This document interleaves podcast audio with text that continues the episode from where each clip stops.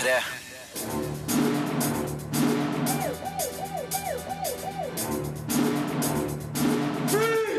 Filmpolitiet! What's your name, dude? Birger Vestmo. What kind of stupid name is that? Hva skjer i dagens filmpoliti? Vel, Sully er et velspilt flydrama med Tom Hanks. Rosemarie er ujevn, men Ruby Dagnall gjør en fantastisk debut. Sausage Party er grisete matporno fra Seth Rogan og Evan Goldberg. Morgan er en effektiv liten sci-fi-thriller med Kate Mara. Og Kubo og det magiske instrumentet er en av årets beste animasjonsfilmer. På TV-fronten får du høre at Better Things sesong 1 treffer rett i trivselssenteret, mens fra spillfronten felles dommen over den siste spillutvidelsen fra World of Warcraft som heter Legion.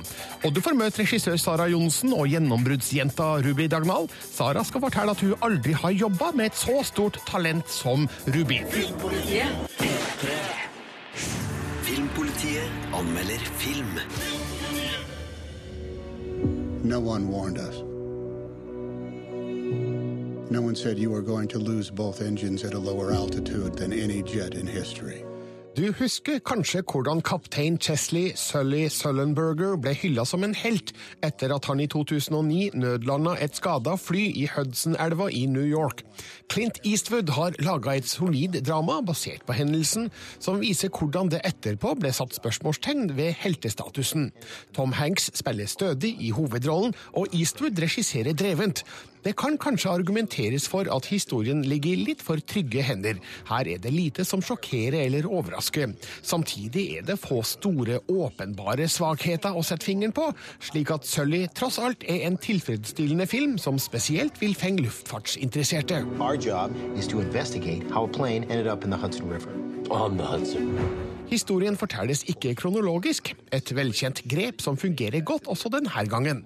Når filmen begynner, har nødlandinga allerede skjedd, og Sullenberger og styrmann Jeff Skiles, spilt av Aaron Eckhart, er i ferd med å prosessere hendelsen. Vi ser hvordan de må forsvare seg når NTSB, den amerikanske flyhavarikommisjonen, sår tvil om Sullys handlinger og påstår at han faktisk kun har landa trygt på nærmeste flyplass. Gradvis får vi òg skildra hvordan den dramatiske nødlandinga ble opplevd av både flygerne, kabinbesetninga og passasjerene.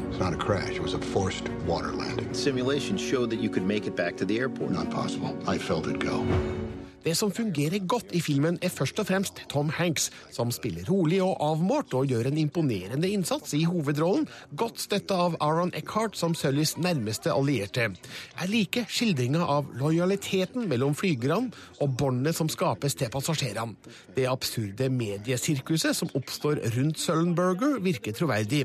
Det er òg skremmende å se nødlandinga bli gjenskapt med overbevisende effekter. Men sjøl om dramatikken er høy, er filmens tone nesten behagelig lavmælt, i tråd med den virkelige Sullenbergers beherska oppførsel i cockpiten, som de publiserte opptakene av meldingene mellom cockpit og flygelederen viser med all tydelighet. This is the captain.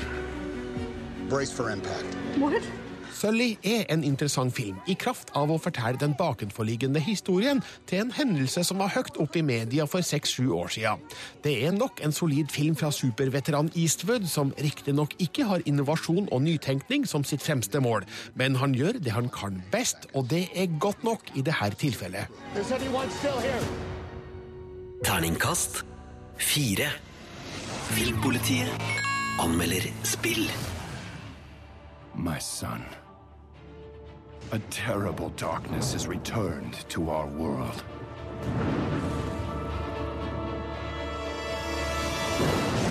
As before, it seeks to annihilate everything that we hold dear. I go to face it, knowing I may not return. I forrige uke kom den sjette utvidelsen til World of Warcraft. Marte Hedenstad, siden da har du oppholdt deg i Azeroth, regner jeg med? Ja, jeg har det. Jeg har spilt og spilt og spilt og spilt. Og eh, aller først, eh, hva menes med en utvidelse, for de som ikke kjenner til det? Ja, altså Legion det er da en utvidelse hvor det da har kommet et helt nytt kontinent i spillet, med masse nye landområder du kan boltre deg på. Eh, Og så er level capen, altså hvor mange nivåer det er på figuren din hevet fra 100 til 110. Og så har det kommet en ny klasse du kan spille, som heter Demon Hunter. Og så er det masse nye dungeons, og så kommer det etter hvert noen nye raids, som er sånn eh, ja, store dungeons hvor man kan spille en svær gruppe mennesker sammen. Det koster jo selvfølgelig penger, det her. Du syns det er verdt det? Ja, det syns jeg så absolutt. Eh, Og det som er veldig flott med Legion, er at eh, nå føles World of Warcraft artig igjen. Altså nå eh, er det på en måte liksom det en nostalgisk preg over denne utgivelsen her, som, som gjør at det minner meg om starten, og det minner meg om eh, eksempel den første utgivelsen Burning Crusade som kom i 2007. Eh, og jeg syns at da siden Det har liksom ikke vært like gøy å spille Vov siden da, men nå er vi der igjen. Ja, for Den forrige utvidelsen, Warlords of Draenor, ga du òg gode skussmål da den kom, men så har jeg forstått det slik at uh, den tapte seg litt etter hvert? Ja, for det som var problemet med Warlords of Draenor, det var at uh, det var veldig artig i starten. Det var masse fine quester, og det var en fin historie som man kunne kose seg med. Men så, når, du på en måte, når den runden var ferdig, og uh, liksom sluttspillet skulle komme, og man skulle begynne å bare gjøre dungeons og sånne ting, Ja. så var det liksom ikke noe innhold. Eh, Og man fikk ikke noe ut av å gjøre dungeonsene, og da ble det til at det rett og slett ble kjedelig. Eh, Og i Warlords of Draenor så hadde man noe som het Garrisons, som var din base i spillet. Og der var du helt aleine. Så det var helt merkelig, men det var som at eh, et eh, altså massivt multiplayer online-rollespill eh, med millioner av mennesker, så følte du deg ensom. Men det har Blizzard klart å gjøre noe med nå. I Legion så har vi den der herlige følelsen av samspill igjen. Eh, Det er eh, kjempemorsomt å løpe rundt og spille sammen med andre spillere, eh, og det gjør at eh, ja, det er bare kjempegøy. Og dermed får World of Warcraft-utvidelsen Legion rett og slett Terningkast fem. Du er fornøyd du, Marte? Jeg er så fornøyd. Herlig. Les mer om film, spill og serier på p3.no Filmpolitiet. Filmpolitiet anmelder film. Hva syns du? Er det kult? Jeg syns vi ligner. Det absolutt beste med regissør Sara Johnsens nye spillefilm Rosemarie er å stifte bekjentskap med Ruby Dagnall. Her har vi å gjøre med et stortalent som vi kan få mye glede av. Hun imponerer i tittelrollen, sjøl om historien som utspiller seg ikke har like høy kvalitet. Manuset spriker litt og inneholder flere elementer som virker å være ment å more, men har ikke tilstrekkelig humoristisk brodd. Det er òg litt vanskelig å tro på historiens rammeverk, men samspillet mellom Ruby Dagnall og Tuva Novotny er så godt at filmen likevel er et severdig drama. På sin egen bryllupsfest i Hønefoss oppdager Unn Tove, spilt av Tuva Novotny, en nyfødt baby på hotellets toalett. 16 år senere blir hun oppsøkt av Rosemarie, spilt av Ruby Dagnall, som nå forsøker å finne sine biologiske foreldre. Unn Tove er journalist og tilbyr seg å hjelpe Rosemarie. Samtidig vil hun lage et TV-program om letinga for en lokal TV-kanal, der hun jobber sammen med Hilde, spilt av Laila Goody. Navnet mitt står jo bare der fordi det var jeg som fant deg. Vi fant ikke moren din. Unn Tove fremstår som en lite sannsynlig journalist, samtidig som at TV-jobbinga virker amatørmessig og lite troverdig. Men den gradvise tilnærminga mellom Rosemarie og Unn Tove er fin og forsiktig. Her er det flere gode scener som forteller oss at begge egentlig leter etter noe håndfast i tilværelsen. Jakten på Rosemaries biologiske foreldre er derimot lite spennende. Utviklinga går i en retning som virker søkt, og som skildres svakt. Kanskje skal det være morsomt på en skrudd måte, men det går på bekostning av figurenes troverdighet. Stemninga og atmosfæren klaffer ikke helt i historien. Jeg vil bare finne moren min. Er det så rart? Hvorfor i all verden vil du finne henne? da? Det kan faktisk være det beste som kan skje et menneske, det der. Å, å vokse opp uten en mor. Hun går fra ungen sin på do. Sara Johnsen imponert med sine tre første filmer, 'Vinterkyss', 'Upperdog' og 'Uskyld'. Rosa Marie er svakere enn dem, men det betyr slett ikke at det er en dårlig film. Den har flere gode kvaliteter i enkeltsekvenser, som f.eks. Unn Toves forsøk på å tilnærme seg det annet kjønn, og Rose Maries konsise oppsummering av sin egen unnfangelse og fødsel. Historiens konklusjon kommer ikke som noen stor overraskelse for den som har fulgt med litt underveis, og filmen mangler den emosjonelle slagkraften som ligger der som et uforløst potensial. Men Rosemarie er uansett verdt å se, om enn for bare å oppdage Ruby Dagnall. Du må huske på det at gener er ikke alt, vet du. Ja, dessuten er jo hele Norge i slekt med hverandre uansett. Mye, mye innavl har det vært. Ja. Terningkast fire. Vi har møtt eh, filmens eh, regissør, eh, Sara Johnsen. Dette er hennes fjerde film. Rosemarie er en dramakomedie som handler om hva som skjer 16 år etter at en baby blir funnet forlatt på et hotelltoalett. Babyer kommer jo som kjent som en følge av sex, og nettopp den sammenhengen var ett av temaene som Sara Johnsen ville fortelle om. Jeg var jo interessert i kanskje litt forholdet mellom sex og biologi, og hvordan jeg opplever liksom at det snakkes og skrives utrolig mye om sex og seksualitet og hva man skal gjøre og ikke gjøre, men ganske lite om forholdet mellom sex og biologi, egentlig, som også er en del av menneskene. da. Og at eh, nye mennesker blir født som en resultat av seksuell omgang, som jeg syns liksom på en eller annen måte blir fjernere og fjernere fra hvordan vi tenker om det. Og at eh, jeg syns det er eh, på en måte litt sånn Det ligger så mye humor og fortvilelse i seksualiteten. Og at den humoren og fortvilelsen på en eller annen måte er veldig spesifikt menneskelig. Du kan jo se liksom dyrene parer seg noen ganger i året. Det virker ikke som de ellers er så mye plaget av paringslyst. men, men menneskene har det på hjernen sånn hver dag, ti ganger hver dag eller noe. Så det, jeg syns bare det er sånn tema som sier veldig mye om hva det er å være menneske. Eh, så handler det jo litt om skam, da. Og skam og hemmeligheter og hvordan vi skammer oss for hverandre for forskjellige følelser vi har. Og at det kanskje ikke er så farlig å snakke sammen egentlig som det vi tror. Det kanskje er eh, Det er ofte litt mer eh, forståelse enn det man tenker at fins, da. Hvordan jobba du med den tonen, å få det til å både bli sårt, men også litt sånn ekte og morsomt og varmt? Um, hvordan var det å jobbe med det? det? Altså, jeg har veldig gode skuespillere. Sånn at uh, skuespillere skal, uh, skuespillerne i filmen de spiller helt troverdig hele tiden. Og det har vært en forutsetning. De skal ikke spille komedie. Uh, de skal spille karakterene sine, som er ekte mennesker, og som bor i en by, og som har dilemmaer og problemer.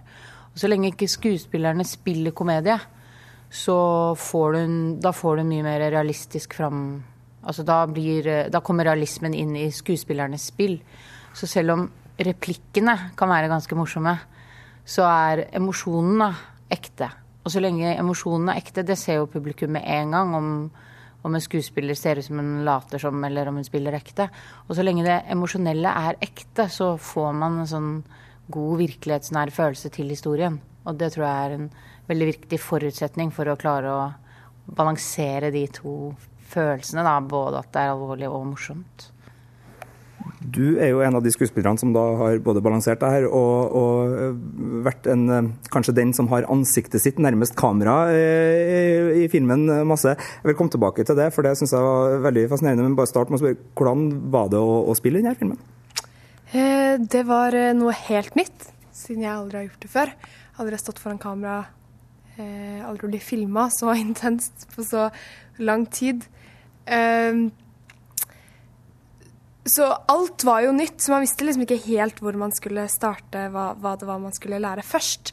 Eh, men har, i førinnspillingsperioden vår var veldig lang, der vi jobba masse med teknikker, hvordan man skulle eh, sense memories, f.eks., hvordan man skulle bruke sine egne følelser for å spille ut en annen karakter, osv. Så, eh, så jeg har jo lært eh, grenseløst mye det året her. Ja. Hvordan var det å gripe an rollefiguren eh, Rosemarie? Eh, hun, er, hun, har mye mange problemer på en, på en, annen måte enn det jeg har, da. Eller andre problemer, da. Eh, så i starten så tenkte jeg at oi, oi, oi, vi har ingenting til felles, så hvordan skal jeg klare det her? Jeg har aldri, eh, aldri gjort det her før. Dette blir kjempevanskelig. Men jeg kjenner meg ikke igjen av noe av det her. Jeg har foreldre på plass og osv.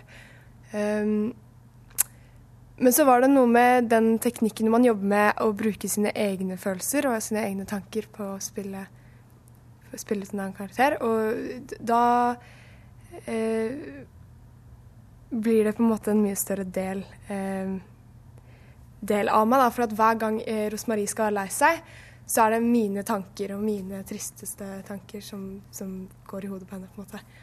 eh, og når hun er glad og sint osv. Så, videre.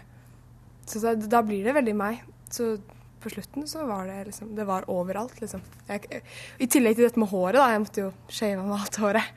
Um, og det, det syns jeg var litt ubehagelig noen ganger også, fordi um, jeg, jeg, kunne jo ta av meg kostyme og ta på mine egne klær, og da føltes det veldig personlig. Og nå er jeg Ruby. Det var veldig deilig og trygt. Um, men så hver gang jeg så meg i speilet, så var det dette håret, da. Så var liksom karakteren der. det syns jeg var litt ubehagelig først det er imponerende mye av det du spiller ut av det som skjer med Rosmarie, som foregår på veldig sånn nær ansiktsmimikk. Det var, kameraet er ganske tett på, og det er veldig mye i ganske små bevegelser i ansiktet ditt som, som får fram veldig mye. Hvordan var det å jobbe så mye med å uttrykke følelsene eh, gjennom ansiktet så, så nært kamera? Eh, jeg har jo drevet eh, masse med teater, sånn amatørteater naturligvis. Ungdomsgrupper og sånn. Og da, da, da, tenkte jeg at uh, film og teater det er så å si det samme. Uh, begge deler er teater. Men, men overhodet ikke, altså. Det er så forskjellig, fordi uh, man spiller, man spiller altså På film et, Bare et blunk kan se ut som overspill. Og det er ganske, ganske vanskelig. Men Sara var veldig, veldig, veldig opptatt av at jeg ikke skulle se meg selv. Så som jeg er veldig enig i. for da ser man Ser man hvordan man ser ut, så begynner man å bli opptatt av helt, helt andre ting. Ehm, så jeg, jeg, tror det viktigste noen ganger er å på en måte sone helt ut fra den sett-situasjonen. da, Og gå helt inn i hva som skjer i manus.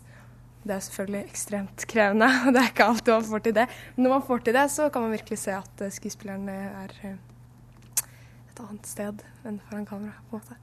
Også det som var veldig heldig med Ruby, er at hun har jo det som heter screen presence. Og hvis du har screen presence, så er det både sånn at folk har lyst til å se på ansiktet ditt, og at du også har en sånn eh, Det er akkurat som følelsene kommer veldig til uttrykk bare gjennom øynene. Så mm, det Hun er heldig. Hun er sånn foran kamera at hvis hun f.eks. Jeg sier til henne at hun skal tenke på en hemmelighet, og jeg filmer henne, så er jeg nysgjerrig på hva hun tenker på. For da kan jeg se at hun tenker på en hemmelighet, men jeg vet ikke hva det er. Sånn at uh, hun har den uh, Det er egentlig ingen som kan si akkurat hva det er, fordi jeg har tenkt masse på hva er screen presence. Men uh, akkurat hva det er, er veldig vanskelig å si. Men det er noen som har det. altså Philip Seymour Hoffman hadde det jo det fantastisk. Altså, det er ikke sånn at du må være underskjønn eller noe for å ha screen presence. Men, men det har Ruby, og hun er veldig heldig. Og så gjør hun seg ikke til. Og hun forserer ikke situasjoner. Altså hun, hvis du, vi skyter en scene, så vet hun at jeg skal klippe det etterpå. Så hun får lov å bruke god tid. Og så hun har en veldig naturlig rytme. Altså hun, hun driver ikke scenen, eh, på en måte, da. Altså hun har sin naturlige spillerytme inni scenen. Så kan vi, hvis det går litt for sakte, kan vi jo bare klippe bort det som ikke passer. Men det gjør også at det ser veldig naturlig og ekte ut. At hun liksom ikke hun går ikke inn i en scene og skal liksom spille den scenen. Hun skal bare være i den scenen, og så skal vi filme det. Det er vår jobb. Hun skal bare være det. Så det er litt sånn vi har samarbeidet, da. Men uh, det er jo en helt fantastisk scene i filmen. Uh, hvor hun sitter og får vite noe av, sin, av en dansk mann. Og jeg tenker sånn Den scenen hadde jeg mulighet til å klippe på mange måter. Det var ikke noen nødklipp i den scenen, for å si det sånn. Så det var ikke sånn at Ruby bare kunne gjøre det én gang. Det er også i one takes fra forskjellige vinkler og sånn. Og det føltes utrolig luksuriøst. Det har jeg aldri opplevd før med en profesjonell skuespiller. Eh, og dette er min fjerde film, så jeg har jobbet med ganske mange. Men jeg har aldri, aldri jobbet med et sånt talent som det hun er, da. Greit å høre. Wow! Det er utrolig hyggelig. Veldig kult. Noen av disse scenene er jo utrolig emosjonelle òg. Det er tårer og det er ganske dype følelser. Hvordan var det å, å få fram dem på kamera? Eh, er, som jeg sa i stad, så bruker man egne følelser og egne triste tanker som man ja på ekte synes er, er trist. Eh, så det har vært litt vanskelig å eh, man vil jo få det til, ikke sant? Så man vil grave så langt man kan ned i triste tanker og sånn.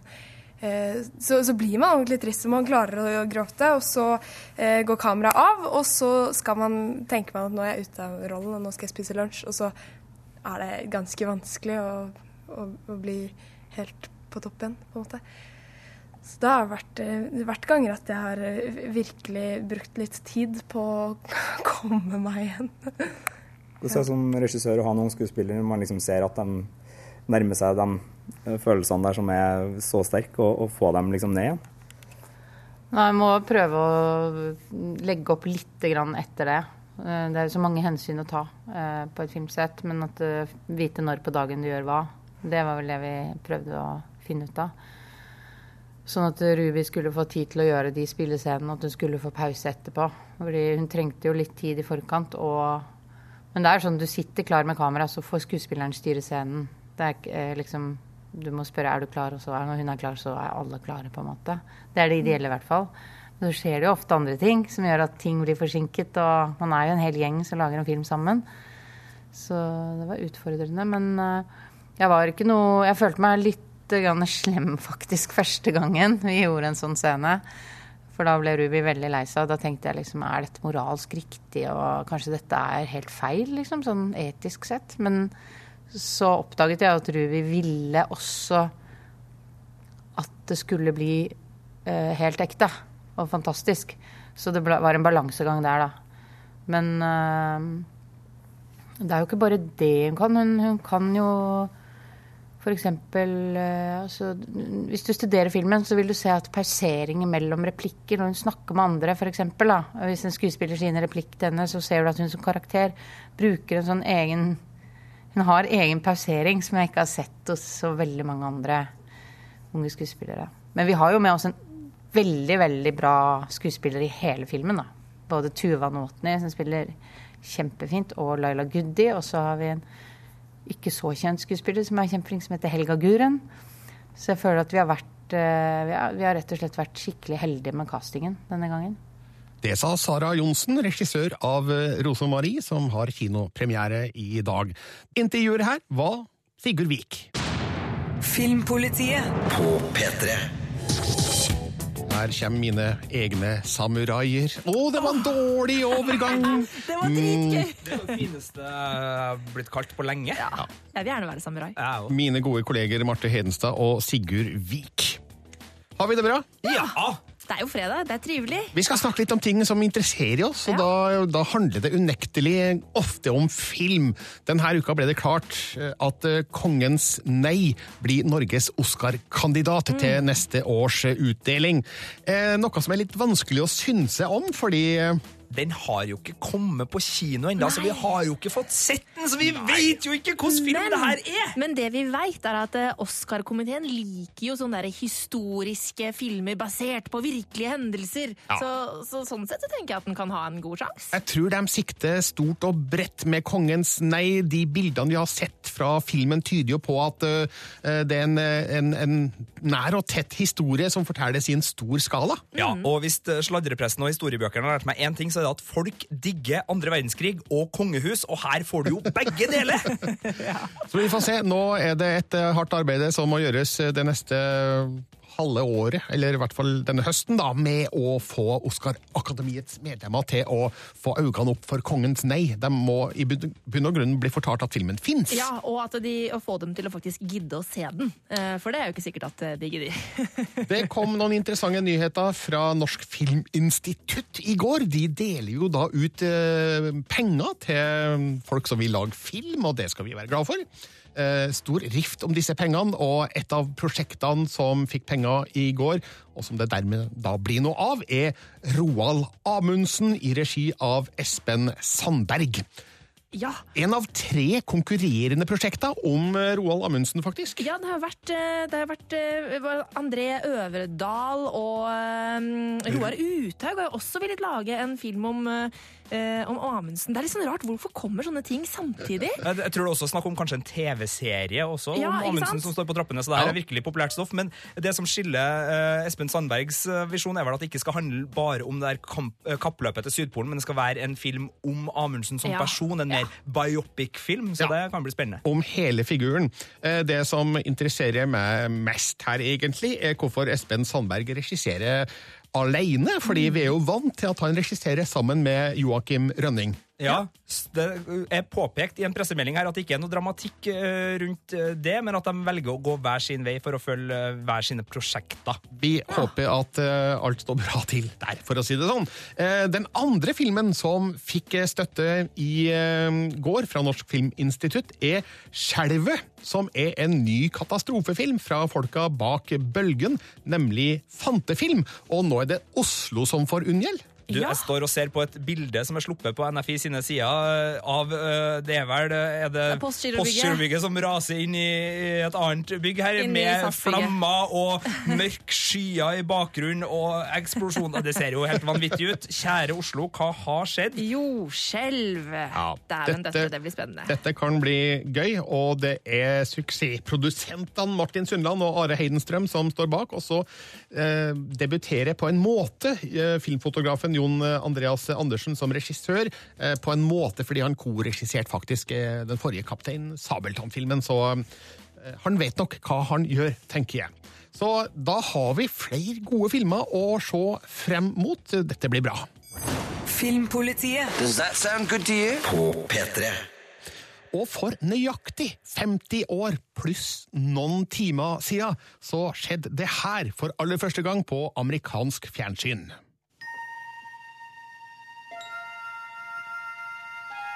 Space, the final frontier.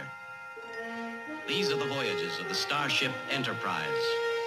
Its five-year mission to explore strange new worlds, to seek out new life and new civilizations, to boldly go where no man has gone before.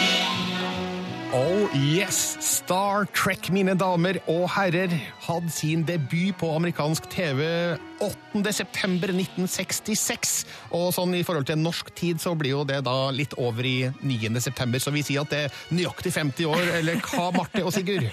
Ja, vi går for den. Gratulerer med dagen! Gratulerer! Tror jeg vi hiver på også. 50 år, altså! Oh, og hør på denne musikken! da. Fantastisk. Nydelig! Altså, dette var jo et enormt kulturelt eh, skrall da serien kom på TV i 1966. Ingen av oss var vel med på det tidspunktet? Nei, jeg drev med andre ting i 66. Jeg var opptatt For eksempel av, av, eh, fantasy. Du var opptatt av å ikke finnes. Ja, det er jeg også. Men eh, det har jo da vært eh, mange år med mm, eh, Star Trek siden den gangen. Mm. nøyaktig 50, da, som vi har vært inne på. Både på TV og ikke minst film. Eh, hva minnes du best, Marte? Altså, mitt aller sterkeste forhold til Star Trek er jo Star Trek The Next Generation, som, som jo jeg har vokst opp med. Som var eh, da altså Patrick Stewart som spilte cap'n Jean-Luc Picard, eh, som skulle ut på nye eventyr. Og så har jeg jo sett da den originale serien i voksen alder, da. Og jeg elsker jo Star Trek. Altså, Leonard Nimoy og William Shatner, de to er en uslåelig duo. Jeg var ikke gammel nok til å se den første Star Wars-filmen da den kom på kino i 1979, men jeg sneik meg inn på Star Trek 2, The Wrath of Khan, Ja. som regnes som en av de aller beste Star Trek-filmene. Ja, det var jo virkelig da, for da hadde jo um, Star Trek hadde jo hatt en sånn liten nedeperiode etter den andre sesongen. Hadde fått litt sånn dårligere seertall og sånn. Eh, Og så bestemte de seg for å slå til med en film, sånn som Star Wars hadde jo hatt eh, stor eh, suksess med. Den første filmen gjorde det ikke så bra, men så kom Wrath of Khan, som du sier, og den er virkelig blitt ikonisk eh, i filmhistorien, altså. Liten, liten fun fact. Ja. Eddie Murphy takka visst nei til å være med, men det var i, i film nummer fire, da, og, og ser på det som en stor tabbe. Han tok The Golden Child i stedet for. Så Eddie Murphy er en av de som angrer på at han ikke takka ja til Star Trek-berømmelse. Det, ny fun fact. Eh, vet dere hva produksjonsselskapet til Star Trek-skaper Gene Roddenberry het på 60-tallet? Uh, nei, det vet jeg faktisk ikke. Det het Norway Productions. Wow! Ikke, ikke vet jeg hvorfor, men det het Norway Productions, og det er sikkert derfor det ble en såpass enorm suksess. tenker jeg. Vil jeg ha en siste fun fact? da? Eh, teleporteringa, som er så utrolig kul, og som er en av de visuelle, skikkelig kule tingene med Star Trek, kom fordi at de ikke hadde råd til å drive og lande eh, sånn romskip og sånn på planeter, så det var mye billigere å bare Beam me up, Scotty! Eh, nå- altså. sagt. Nå må jeg bare snu meg så hent en svær boks som jeg har fått tilsendt. Dette er da en Er vanskelig å se på radio, da, men Ja. dette er en tung, stor Blu-ray-boks. eh, Som er rett og slett Star Trek eh, 50th Anniversary eh, et eller annet edition. Ja. eh, Med hele den originale serien. Begge, altså alle tre sesongene fra 60 60-tallet. Det er da alle de originale filmene med originalbesetninga. Og så er det da for første gang The Animated Series, eh, som ikke har vært tilgjengelig tidligere, i hvert fall ikke i Blu-ray-sammenheng. da. Den skinner som gull, den boksen du har foran deg nå, Birger. Den er, den er stor, og den er dyr, og mesteparten av innholdet har vært eh, ut på Blu-ray tidligere, så dette er for de samlerne som ikke har sikra seg Star Trek eh, på Blu-ray fra før. Så et lite tips nå når vi feirer Star Trek 50 år, måtte det bli mange år til. Live long and prosper. Filmpolitiet. Dette er P3. Ja, nå har Seth Rogans hjertebarn Sausage Party premiere. Det her er en animasjonsfilm med aldersgrense tolv år, og det er det en grunn til med en Marte Hedenstad, for det her er grisete og drøy humor som underhell. Filmpolitiet anmelder film. Look at these big old buns waiting to get filled with my meat. Yeah, right, Carl. Who in this package would ever let Carl get up in them? Huh? Roberta, put your fucking hand down. You're ruining my joke. Animasjonsfilmen Sausage Party ser ved første øyekast ut som en familiefilm om matvarenes hemmelige liv. Men eh, hvis du tror dette vil være en artig film for barn i alle aldre, tar du feil. Navnet Sausage Party spiller nemlig ikke på trivelige barnebursdager med wienerpølser i brød. Denne filmen er en real pølsefest i uttrykkets aller groveste forstand. Oh, Jesus, fuck! asses. Seth Rogan skal visstnok ha jobba i åtte år for å få denne filmen laga. Og resultatet er en komedie som tyter over av pølsevitser og brød som drømmer om å fylles.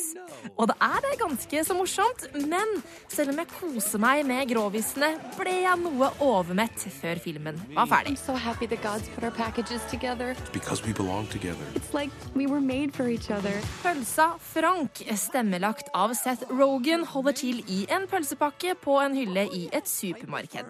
Ved siden av bor det luftige og veldreide pølsebrødet Brenda, stemmelagt av Kristen Wiig. Drømmen er å bli utvalgt av gudene for å bli med til det hinsidige, der de endelig kan komme ut av pakkene sine og ha vill, hemningsløs sex. En dag får imidlertid drømmen en real knekk når et glass med sennep blir returnert fra det hinsidige til butikken. Kan det virkelig stemme at gudene er onde monstre som dreper og spiser maten de velger ut? Frank legger ut på eventyr for å finne sannheten.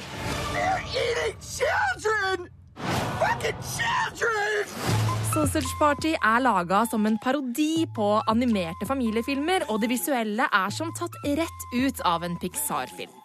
At eh, figurene i fortellingen er sprengkåte vesener som er over gjennomsnittet grove i kjeften, er en artig kontrast som umiddelbart førte til humring hos undertegnede. Seth Rogan og resten av manusforfatterne har skrevet et manus der humoren for det meste spiller på to ting. Matvarer som kan gi assosiasjoner til noe seksuelt, og matvarer som kan spille på velkjente stereotypier. I tillegg så har filmen en god dose religionskritikk og en oppfordring om å tenke sjæl. I gotta tell everyone. No one will believe you. I have to try. Everyone will die otherwise. Og det fungerer. Sausage Party er morsom, men dessverre blir de mange pølsevitsene litt kjedelige i lengden. Det er grenser for hvor mange ganger jeg ler av at pølse i brød kan minne om kuk i vagina, og jeg rekker å kjede meg et par ganger underveis. Men dette er humor som fans av Seth Rogan kommer til å elske. Sausage Party passer perfekt for jente- eller guttegjenger som har lyst på en heftig runde grovkorna humor i kinosalen, som selvfølgelig får sitt klimaks med en knallhard matorgi på slutten. Good luck. Have fun. Terningkast fire.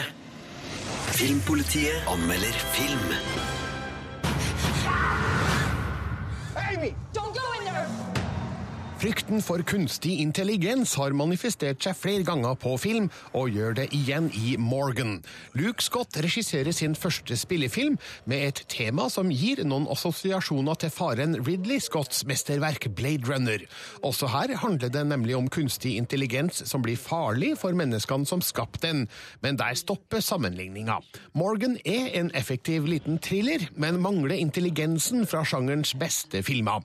Scott jr. ser ut til å foretrekke action fremfor handling, noe som ikke nødvendigvis trenger å være feil, men Morgan har et potensial som kun vært utnytta bedre. Doctor, this is Lee Weathers from corporate. I'm just looking for some information about Morgan. Morgan er navnet på et kunstig menneske som holdes innesperra etter en uheldig hendelse. Selskapet bak, Synsekt, sender Lee Weathers, spilt av Kate Mara, til Morgan-prosjektets avsidesliggende base for å vurdere dets fremtid. Hun oppdager snart at noen av de ansatte ser ut til å ha utvikla sterke bånd til Morgan, spilt av Anja Taylor-Joy, som til tross for sitt kvinnelige utseende er en ting, ikke en person. It's the next step in evolution.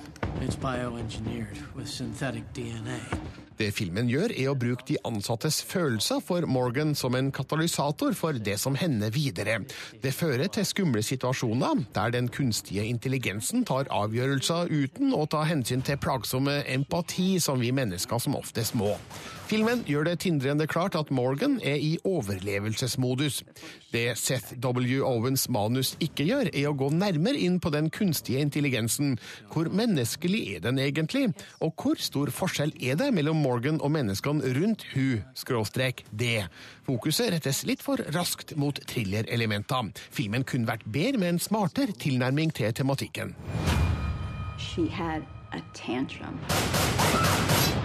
Kate Mara spiller godt og effektivt som Lee, sjøl om visse sider av figuren signaliseres litt for tydelig, slik at seinere utviklinger ikke har den tiltenkte virkninga.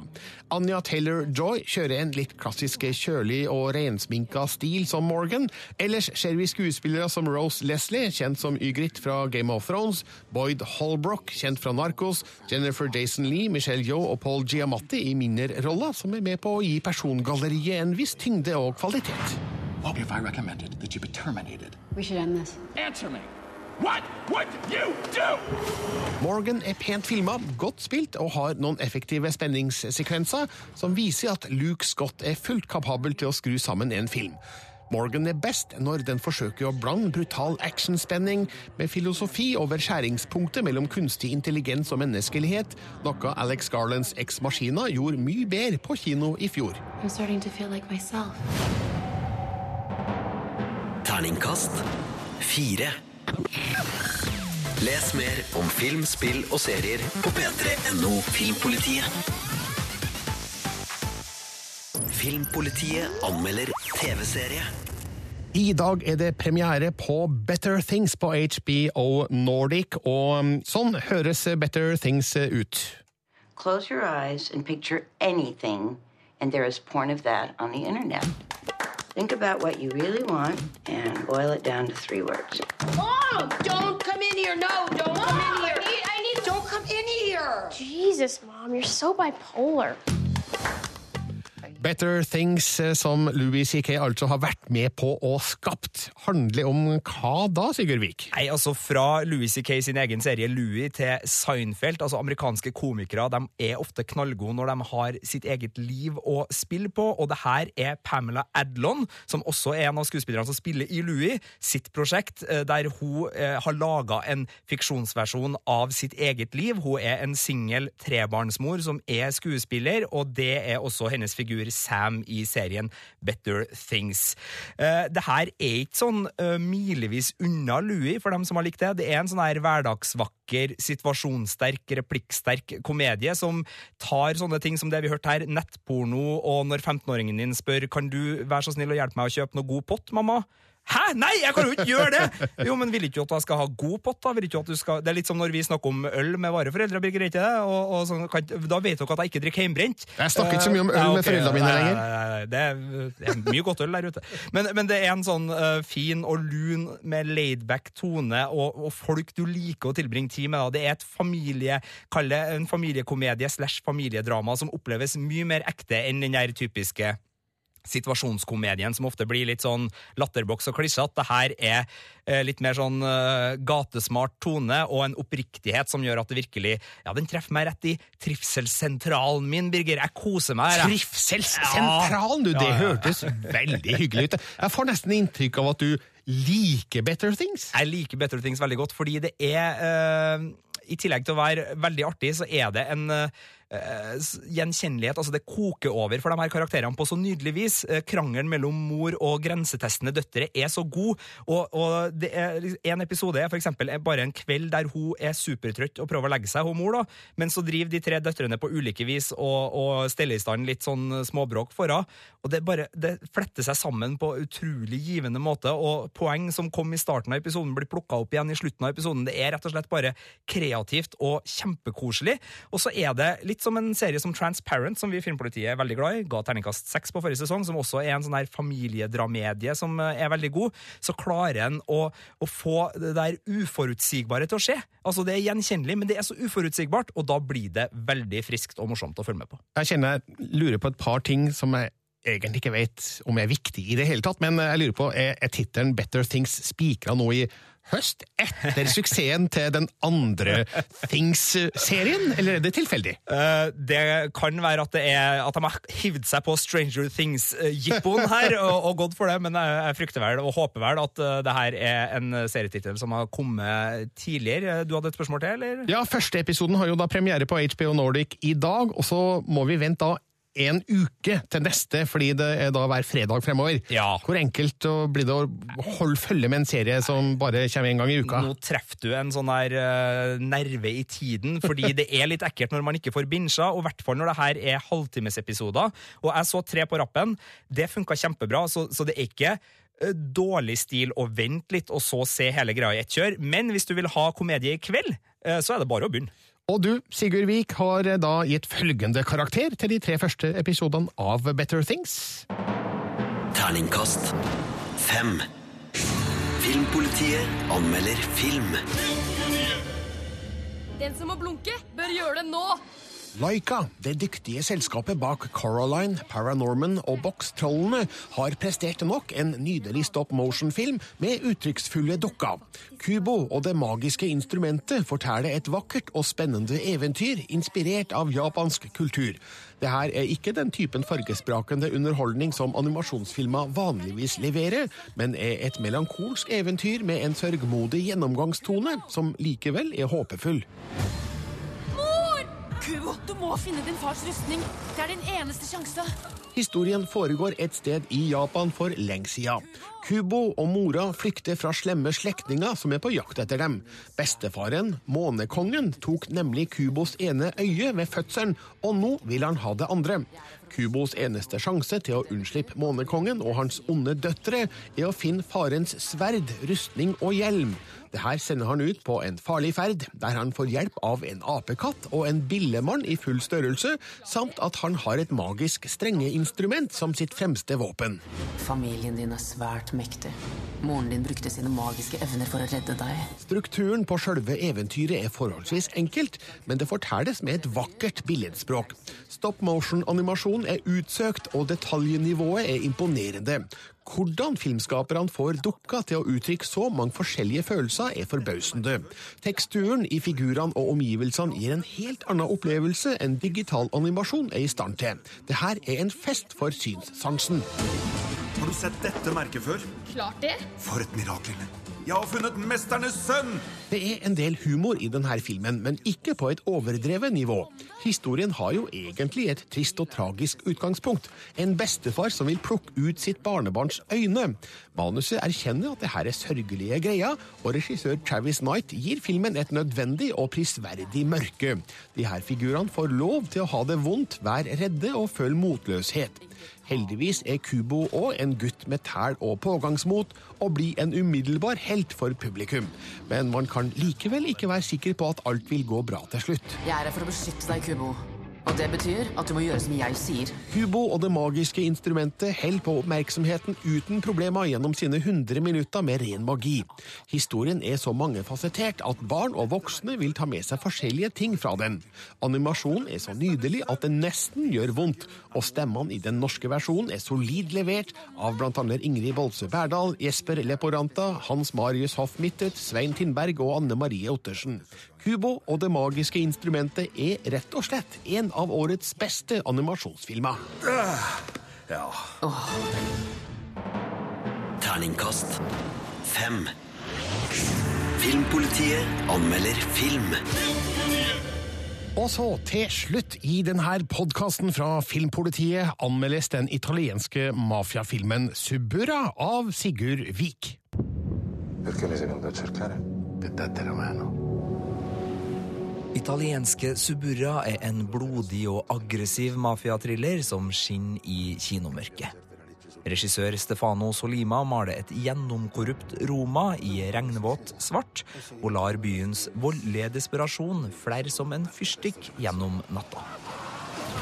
Han tar vare på sjangerens kjerneverdier og sans for barsk dialog, men estetikken og tonen er forfriskende langt unna tradisjonelle mafiafilmer. Chiederò ai miei referenti di partito. I tuoi referenti non esistono più.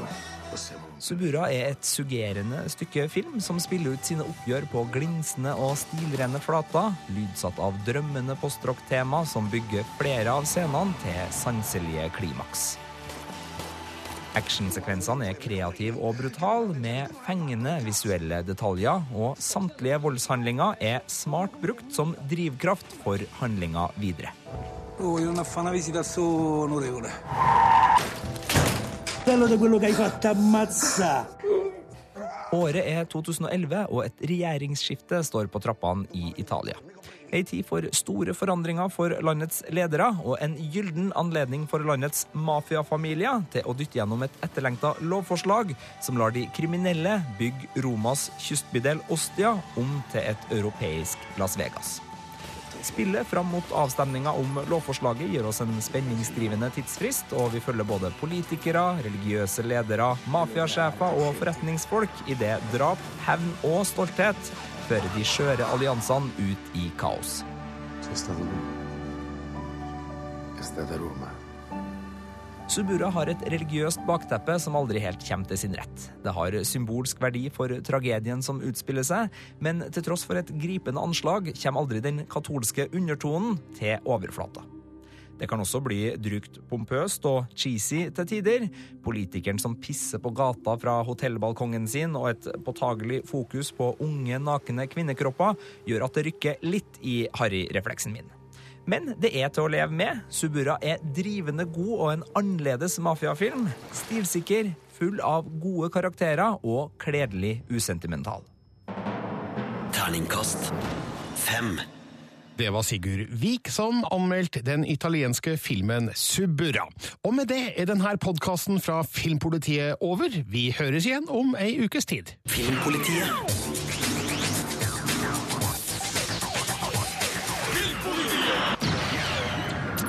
Hør flere podkaster på nrk.no podkast. P3.